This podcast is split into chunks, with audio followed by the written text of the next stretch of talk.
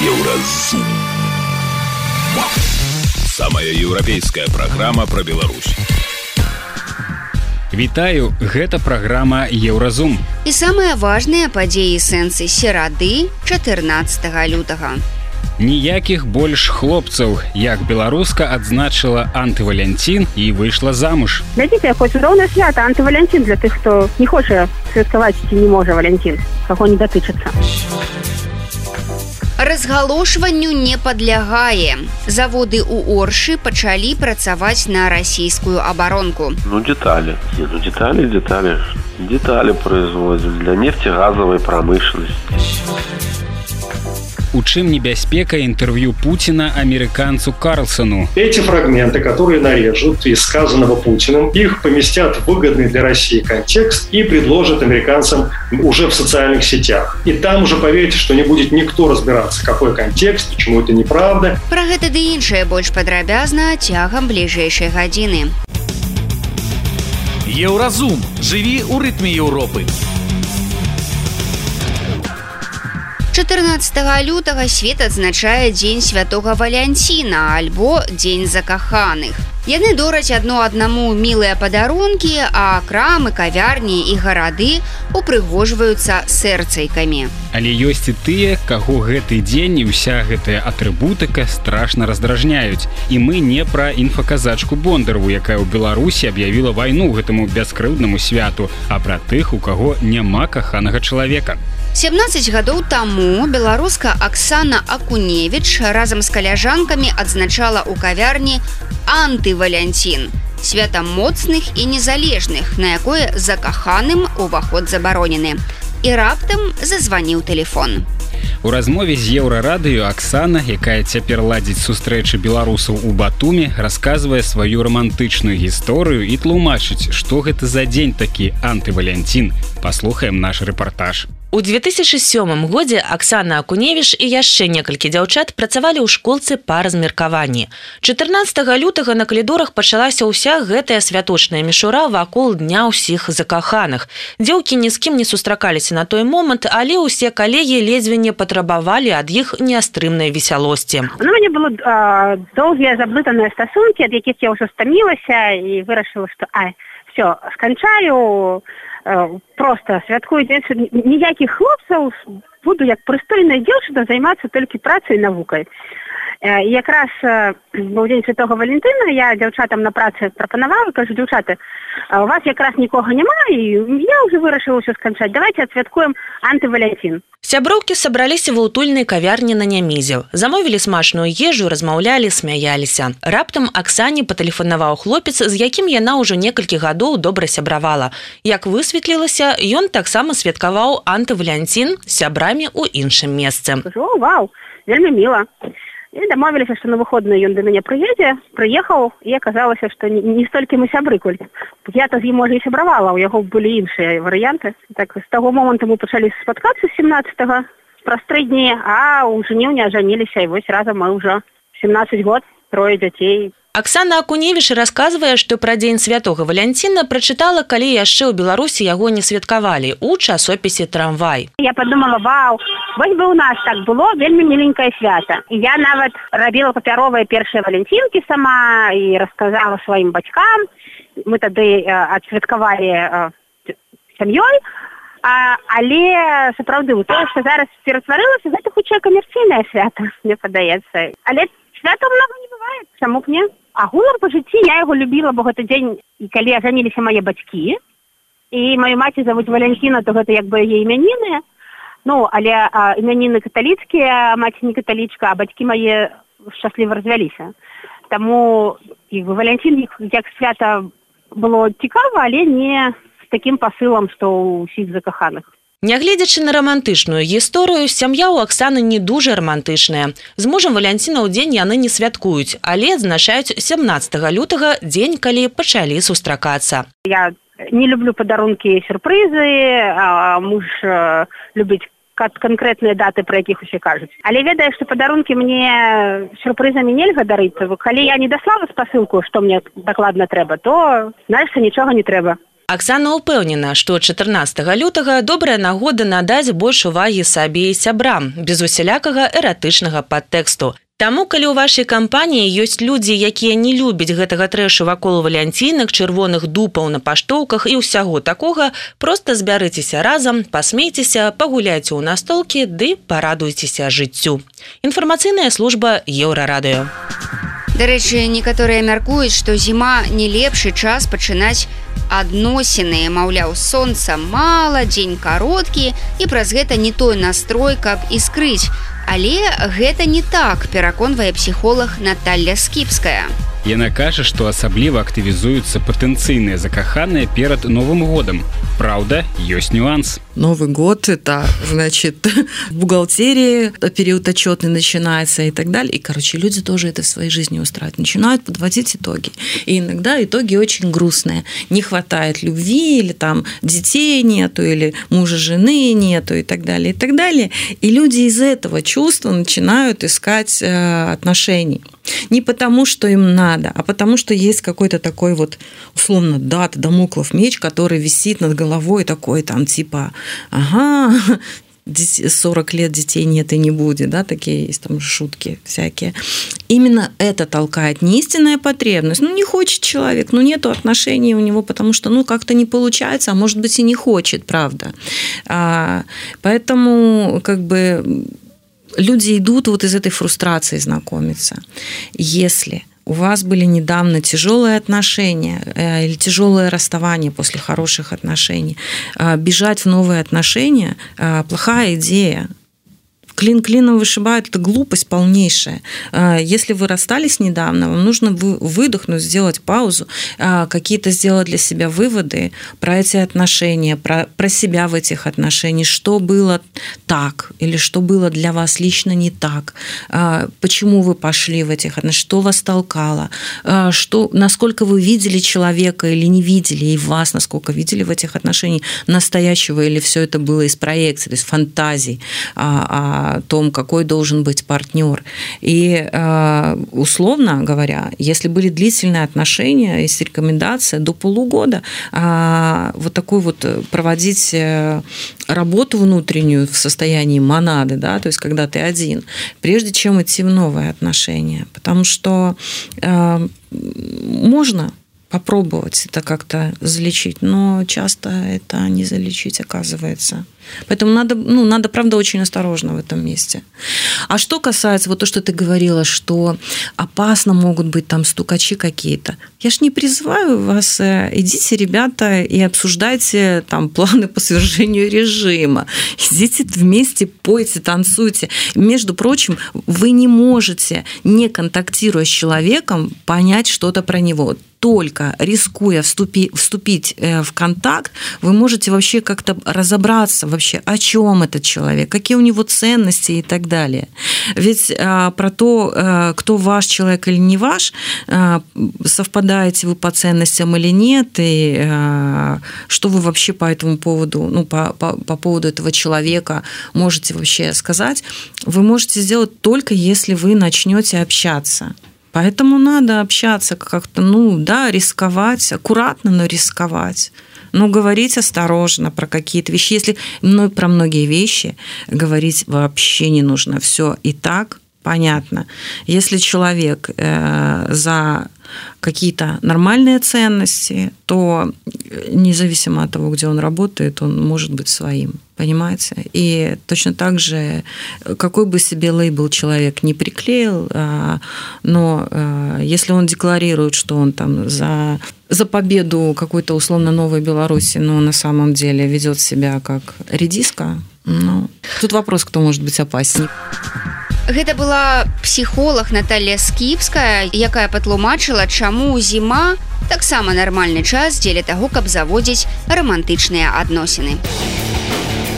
Еўразум. Беларусь у еўрапейскім фокусе. Далей у праграме Еўразум. Разгалошванню не падлягае. Заводы ў Оршы пачалі працаваць на расійскую абаронку. Ну деталі, ну, деталі, деталі детали производим для нефтегазовой промышленности. У чым небяспека інтэрв'ю Пуціна амерыканцу Карлсону. Эти фрагменты, которые нарежут из сказанного Путиным, их поместят в выгодный для России контекст и предложат американцам уже в социальных сетях. И там уже поверьте, что не будет никто разбираться, какой контекст, почему это неправда. Сустрэнемся пасля навінаў спорту.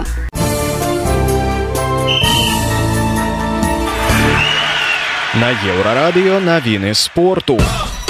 Хакеісты мінскага дынама гарантавалі сабе месца ў плэй-офф КХл. Пасля перамогі ў гасцях над віцязем яны атрымалі ў заходняй канферэнцыі апошнюю пуцёўку. Іншыя каманды выканалі задачу мінімум раней. Галоўны трэнер дынамаўцаў Дмітрий квартальнаў абяцае перад плэй-офф палепшыць якасць і гульні. Прайшлі першыя матчы адной восьмай фіналу футбольнай лігі чэмпіёнаў. Рэал у гасцях абыграў лейпцых 1-0, а Манчестер Сіці на чужым полі выйграў у Капенгагена 3-1. Гульні ў адказ прызначаны на 6 сакавіка. Крумкачы другі год запар адмовіліся ад выступлення ў першай лізе беларускага футбольнага чэмпіянату. Дырэктар клуба Олег Давідович кажа, што на сённяшні дзень няма мінімальнага неабходнага бюджэту. Таму было прынята складанае рашэнне аб удзеле ў чэмпіянаце сярод каманд другой лігі. Баскетбалісты мінска працягваюць абнаўляць антырэкорды. У іх ужо 28 паражэнне запар. У чарговым матчы другога этапу адзінай лігі ВТБ яны прайгралі на сваёй пляцоўцы ўралмашу з Екатеринбурга 77-89. Уралмаш трэніруе былы галоўны трэнер мінска расціслаў вяргун, які сышоў з беларускага клуба пасля 16 паражэнняў запар. Гэта былі навіны спорту, заставайцеся на еўрарадыё.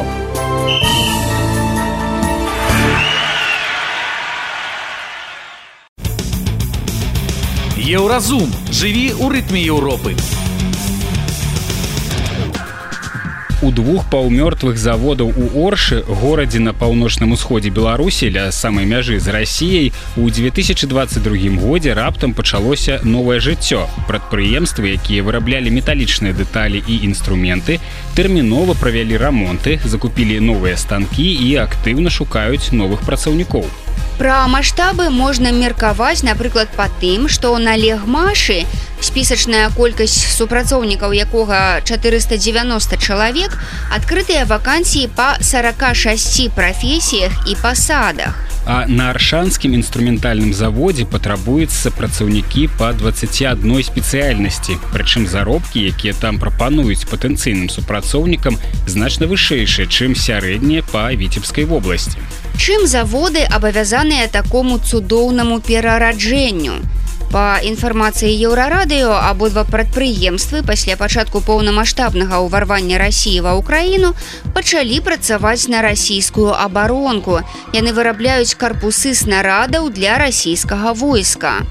Наш корэспандэнт паспрабаваў уладкавацца на легмаш і аршанскі інструментальны завод. Паслухаем, што ў яго атрымалася. Намеснік дырэктара па персаналу і ідэалагічнай працы завода легмаш Александр Кароткін пацвердзіў, што заробкі на вытворчасці высокія. Ну, смены сориентирую, значит, по 12 часов, 2 через 2.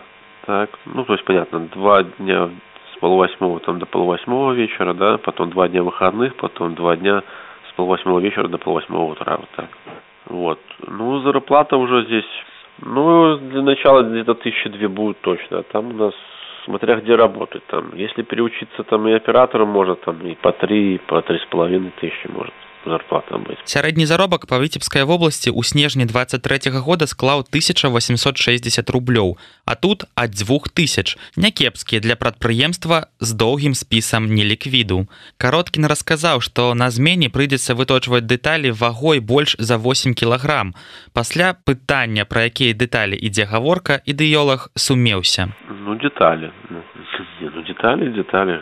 Детали производим для нефтегазовой промышленности там для труб для скважин падчас размовы з супрацоўніцай аддзела кадраў лігмаша журналіст спытаў у лоб а у вас праўда вырабляюць боепрыпасы для расійскага войска молодой человек это коммерческая тайна и разглашению она не подлежит извините Если вас интересует вакансия, то приходите с вашими документами об образовании с паспортом. С 9 до 10, до пол одиннадцатого можете приходить на завод Лигмаш. Еще раз повторяю, если вас интересует работа, зададите все свои вопросы руководителю, который с вами будет беседовать. Так звычайна і расказваюць пра сваю прадукцыю на прадпрыемстве, якое спецыялізуецца на дэталях для швейных машынак і чыгунным посудзе.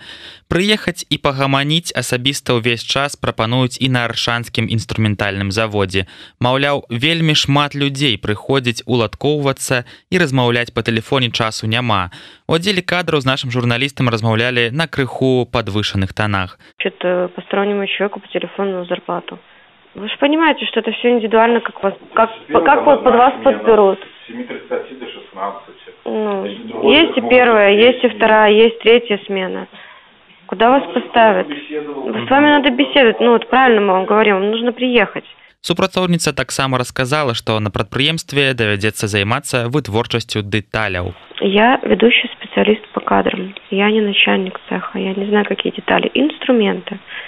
И сборка тракторов. Но сборкой тракторов вы заниматься не будете. Инструменты. Какие угу. конкретно? Я не работаю в маркетинге, я не работаю в цеху. Я вас уже не взяла бы, честное слово. Я не знаю, молодой человек, я ведущий специалист по кадрам. Я не знаю, какие инструменты изготавливают. Я не работаю в цеху. Я знаю в общем, что мы делаем инструменты, и мы занимаемся сборкой и ремонтом тракторов. Пожалуйста. Вы слышали, что я вам сказала? Не знаю, какие инструменты. Я в кадрах работаю. Давайте вы приедете и будете мне тут нервы рвать, хорошо? Адкрытае акцыянернае таварыства завод лігмаш уваходзіць у склад холдынгу беларуская металургічная кампанія. Кіравальная кампанія гэтага холдынгу беларускі металургічны завод, які ўжо знаходзіцца пад заходнімі санкцыямі, аднак паспяхова знаходзіць спосабы іх абыходзіць. Завод, не саромеючыся, выхвалюецца тым, што ў 2022 годзе нарасціў экспорт на 37соткаў, а за 23 год прадпрыемства планавала паставіць за межы Беларусі яшчэ на 8 80% больш прадукцыі. Аршанскі інструментальны завод таксама нядаўна пахваліўся паказчыкамі. Калі ў двадцатым годзе выпусцілі прадукцыі на 9 мільёнаў рублёў, то ў 22 ўжо на 30, а ў 23 на 63 мільёны. За тры гады сяміразовы рост. Акрамя гэтага паведамляецца, што ў 2023 годзе прадпрыемства асвоіла выпуск больш за 400 новых вырабаў, а вось якіх не сказана. Зараз на заводзе працуюць 622 чалавекі. Да канца года штат плануецца павялічыць да 650 чалавек. Інфармацыйная служба еўрарадыё. Еўразум. Беларусь у еўрапейскім фокусе. Далей у праграме Еўразум. У чым небяспека інтэрв'ю Пуціна амерыканцу Карлсону. Эти фрагменты, которые нарежут из сказанного Путиным, их поместят в выгодный для России контекст и предложат американцам уже в социальных сетях. И там уже поверьте, что не будет никто разбираться, какой контекст, почему это неправда. Сустрэнемся пасля навінаў шоу-бізу. Шоу-біз.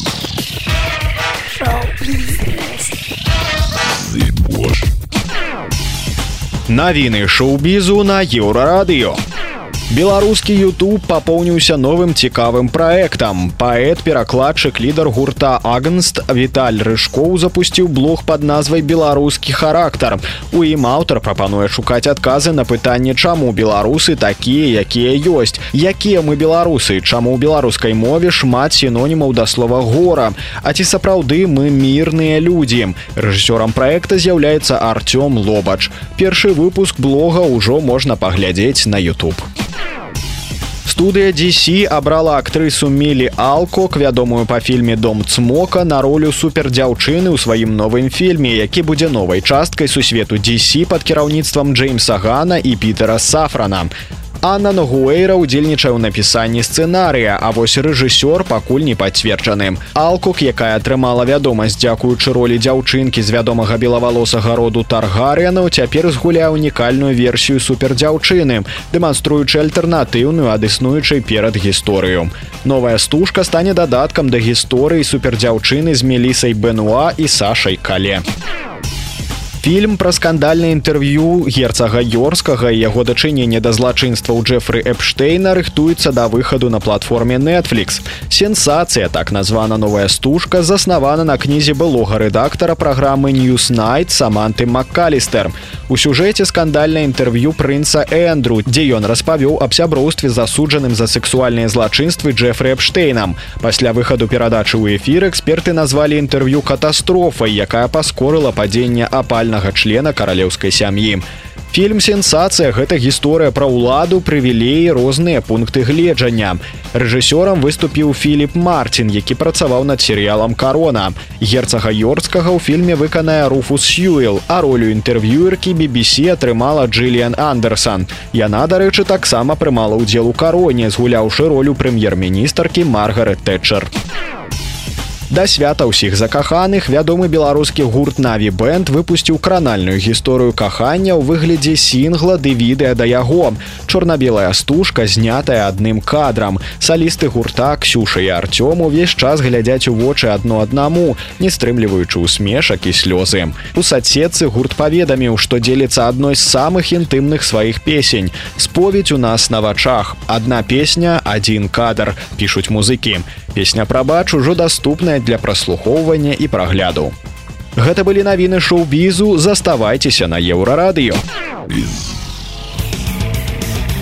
Еўразум жыві ў рытме Еўропы. Заморскі госць Карлсон, які прыляцеў у Маскву, зусім не бяскрыўдны, як камусьці падаецца. Гэта працяг агіднай гісторыі, пра новую самую сучасную версію прапаганды і маніпуляцый. Такую характарыстыку амерыканскаму журналісту такеру Карлсону дае вядомы беларускі і украінскі вядучы Сергей Дарафеев. На мінулым тыдні адзін з самых уплывовых амерыканскіх журналістаў і прыхільнік Трампа Карлсон узяў інтэрв'ю ва Владимира Путина, дзе той спрабаваў апраўдаць напад рассіі на ўкраіну абсалютна вар'яцкімі прыдуманымі ім самім фактамі з гісторыі. Некаторыя палічылі амерыканца наіўным і недальнабачным праз тое, што звязаўся з пуціным, але дарафеў перакананы, што гэта не так. Хто забыўся, то нагадаем, што Сергей Дарафеў вядоўца ток-шоу выбар на тэлеканале АНТ.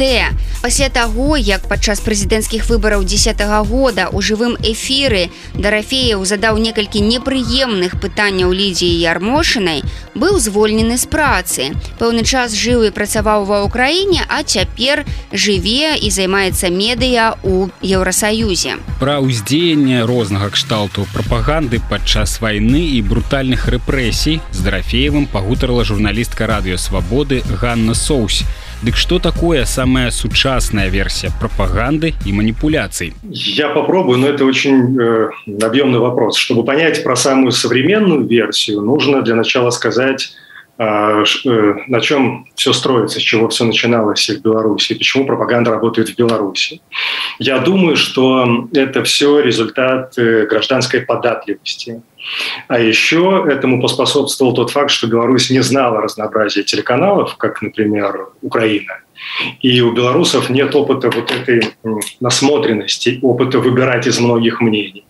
Более того, после 96 -го года Беларусь не знала хотя бы э, контуров э, цивилизованного парламентаризма. Вот так, чтобы там были и полемика, там были и споры, чтобы там был принцип э, политической соревновательности, всего этого у нас не было. И у нас, в отличие от той же Украины, на постоянной основе не показывали в телеэфире заседания парламента. То есть работал такой принцип советской столовой, вот вы ешьте то, что вам дают, потому что вскоре и этого может не быть. А, я думаю, что это одни из, одни из основных причин вот того положения дел, которое мы сейчас имеем. Ну и теперь о том, что сегодня. Потому что сегодня мы не видим а, обособленную, а, отдельную пропаганду и манипуляции. А, они стали частью гибридной войны. Посмотрите, что сам Путин признает, что в России недостатка мобилизованных нет. И это тоже результат пропаганды. А еще это результат, понятное дело, в России нищеты, помноженной на безысходность и на, я бы сказал, все-таки желание сублимировать потому что пропаганда – это не столько ложь, это не столько полуправда, сколько это, это такая тонкая игра на э, чувствах людей, на том, кем они хотят казаться, но кем они не являются на самом деле. Вот, калі, когда... говорить Что... про, калі говорить про то интервью, якое я згадала на пачатку, на две гадзіны я поглядела, яго разобрали эксперты у многих краінах, выявили там все фейки, всю неправду. Але что датычыць вот, ну, звычайных людей, там беларусаў, украінцаў, амерыканцаў, Ну, чым яно небяспечнае ці небяспечнае інтэрв'ю гэта ну, ну і падрыхтаванае интервью что было видно э, да но ты сейчас апеллируешь к экспертам которые понимают причинно-следственную связь хотя бы но если мы возьмем например и в фокусе нашего внимания будет житель какого-нибудь заброшенного городка в России, да или в Беларуси.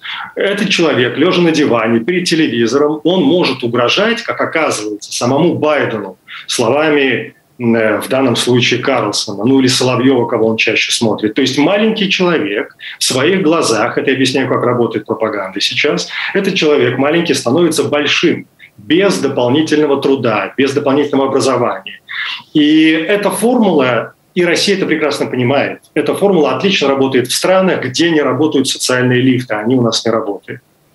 И что еще важно, телевизор во всей этой истории – это удобное самооправдание, потому что потом люди, которые сейчас, сейчас молчат по разным причинам или активно поддерживают власть, они будут говорить, откуда мы могли знать правду, когда мы по телевизору этого не говорили. Поэтому, если резюмировать, то современная пропаганда и манипуляции – это смесь маркетинга, это смесь психологии и различных э, политтехнологий. Ну а что касается Карлсона, э, то знаешь, в американском истеблишменте говорят, что не Карлсон следует э, повестке дня, он, э, Карлсон сам определяет эту повестку дня. Поэтому э, ну, я понимаю, что нашему человеку сложно представить, что существуют такие тренды, но в США это так. Карлсон поддерживает республиканцев и сдерживает демократов это уже к открытому вопросу, где границы терпимости по поводу разных мнений. И я это четко понял, осознал еще больше, наверное, 20 лет назад, когда стажировался в Чикаго. Поэтому российская пропаганда знает, к кому обращаться. Она поднимает Карлсона на свои знамена. И, знаете, я на Медне изучал по работе э, контент различных ток-шоу, в том числе ток-шоу «60 минут» на канале «Россия». Ну, это там, где Скобеева кричит. Так вот, в массиве из, по-моему, что-то около 300 программ Карлсона там цитировали и показывали э, в практически трети выпусков ну, дальше можно не продолжать. Все это абсолютно укладывается в те алгоритмы, которые пишутся в Кремле.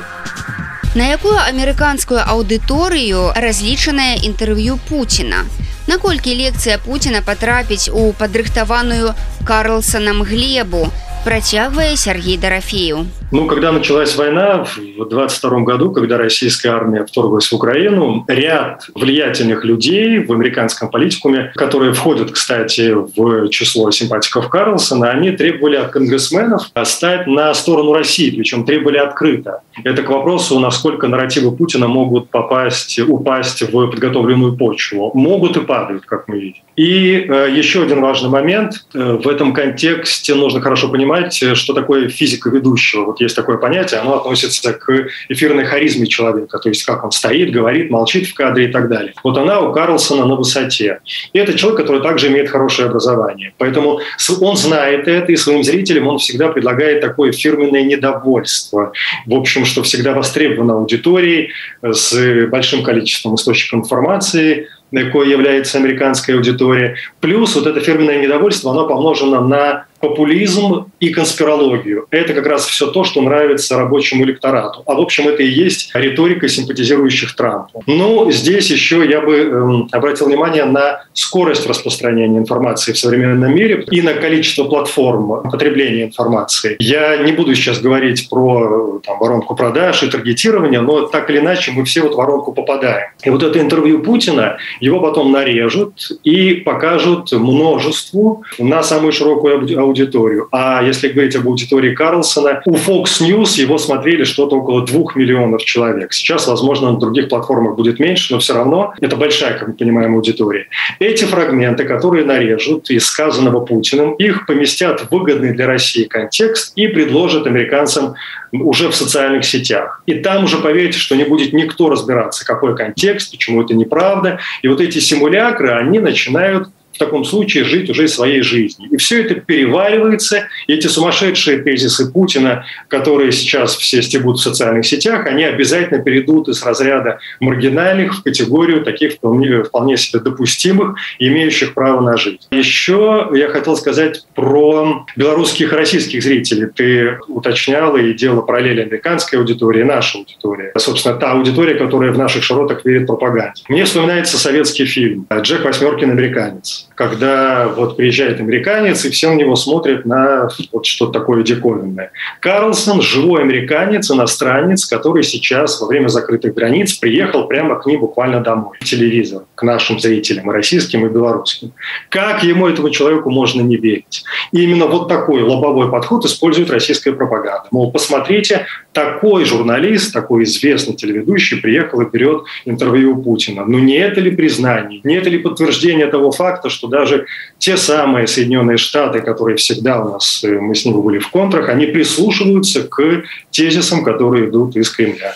Сергей, я ведаю што апошнія гады э, ты выкладаеш і тлумачыш на розных прыкладах як працуе прапаганда якія формы яна прымае ты працаваў на беларускім тэлебачанні і мог адсочваць якім чынам яна працуе ну, вот все гады прэзідэнцтва александра лукашэнкі як яна мяняецца у які бок яна рухаецца пасля 2020 году вот чаму цяпер яе твары рыгора заронак і чым стыля заронка напрыклад адрозніваецца ад папярэднікаў таго ж зімоўскага я начну с того что сейчас сейчас мы живем в то время когда информация подается пульсированно причем на четко свою целевую аудиторию такое понятие как целевой аудитории белорус русские руководители телеканалов э, начинают понимать и использовать в своей работе, причем эта информация подается с ключевыми словами, с, ну, в общем, более-менее правильно расставленными акцентами, и каждый пропагандист, в том числе в Беларуси, он работает на своего зрителя, уже с его уровнем образования и воспитания. Отсюда и определенная лексика в, ну, громко назовем их, речах некоторых белорусских телеведущих. Я ничего не хочу говорить про этого человека, которого ты вспомнила, я бы говорил про более образованных и тон тонкой игры людях. Не о полезных идиотах,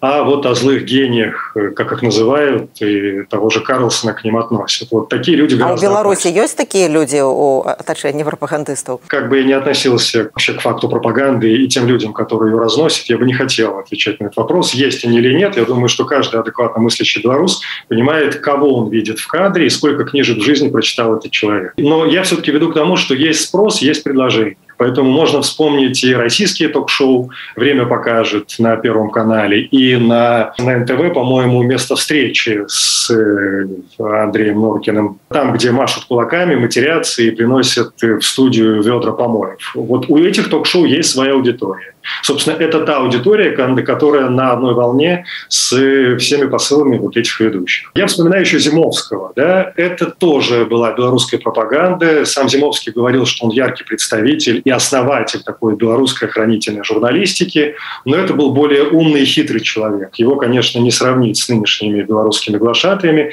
Тогда было его время, хотя адекватные белорусы не переваривали его точно так же, как и адекватные белорусы не переваривают и сейчас то, что что они видят в беларускам телеэфире если мы говорим о прапаганде як табе падаецца под уздзеяннем якой прапаганды больш знаходятся беларусы ну якія знаходятся под яе уздзеяннем расійскай ці уласна беларускай вы знаете что беларускія зрители так давно находятся под тоннами российского контента что у меня складывается стойкое ощущение, что они же даже четко не понимают, где белорусская повестка, а где российская повестка. Потому что Беларусь сейчас находится настолько плотно в зоне э, влияния идеологическом, в том числе, не только политическом России, что никакой среднестатистический зритель не сможет повести четкую границу. Вот эта вот история белорусская, а это история российская. Например, вот возьмем даже недавний пример с польскими фермерами, которым я сейчас занимаюсь, когда польские фермеры э, на днях высыпали украинское зерно из фур на трассу в Польше. Да? Вот кто это делал, мы не знаем это еще большой вопрос. Я не знаю, вы не знаете, кто это делал. Это могут быть как провокаторы из фермеров, так и, например, представители неких праворадикальных группировок, которых широко поддерживает Россия сейчас по всей Европе. Какая цель у этой картинки, которую нам показали? Да, с одной стороны, изменить отношение к зерновому коридору. Соответствующее соглашение подписали и, и Украина, и Россия, и Эрдоган, Турция. Российская пропаганда может в этом случае смотреть, мол, вы видите, даже Польша начинает понимать, что с Украиной лучше не иметь дела, потому что Украина, вот она, как они могут сказать, вышла из этого зернового соглашения, сама создает новые логистические коридоры и доставляет наземным транспортом по территории Польши свое зерно. А посмотрите, как Польша с течением времени, несмотря на то, что вот они такие адвокаты и друзья Украины, начинают э, российская пропаганда любит это слово прозревать и понимает, что на самом деле происходит, и вот отказывается пускать украинское зерно на свою территорию. То есть это абсолютно технологические вещи. Мы видим, как это шьется белыми нитками.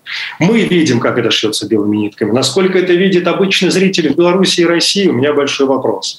Когда и белорусская аудитория потребляет эту информацию, порядок потребления этого контента, вот паттерн потребления этой информации, он одинаковый сейчас. Что в Беларуси, что в России. Поэтому я не могу сказать, какая пропаганда самая опасная, да, и на кого она больше влияет. Я только могу сказать, что самая опасная пропаганда – это комплексная, умело упакованная.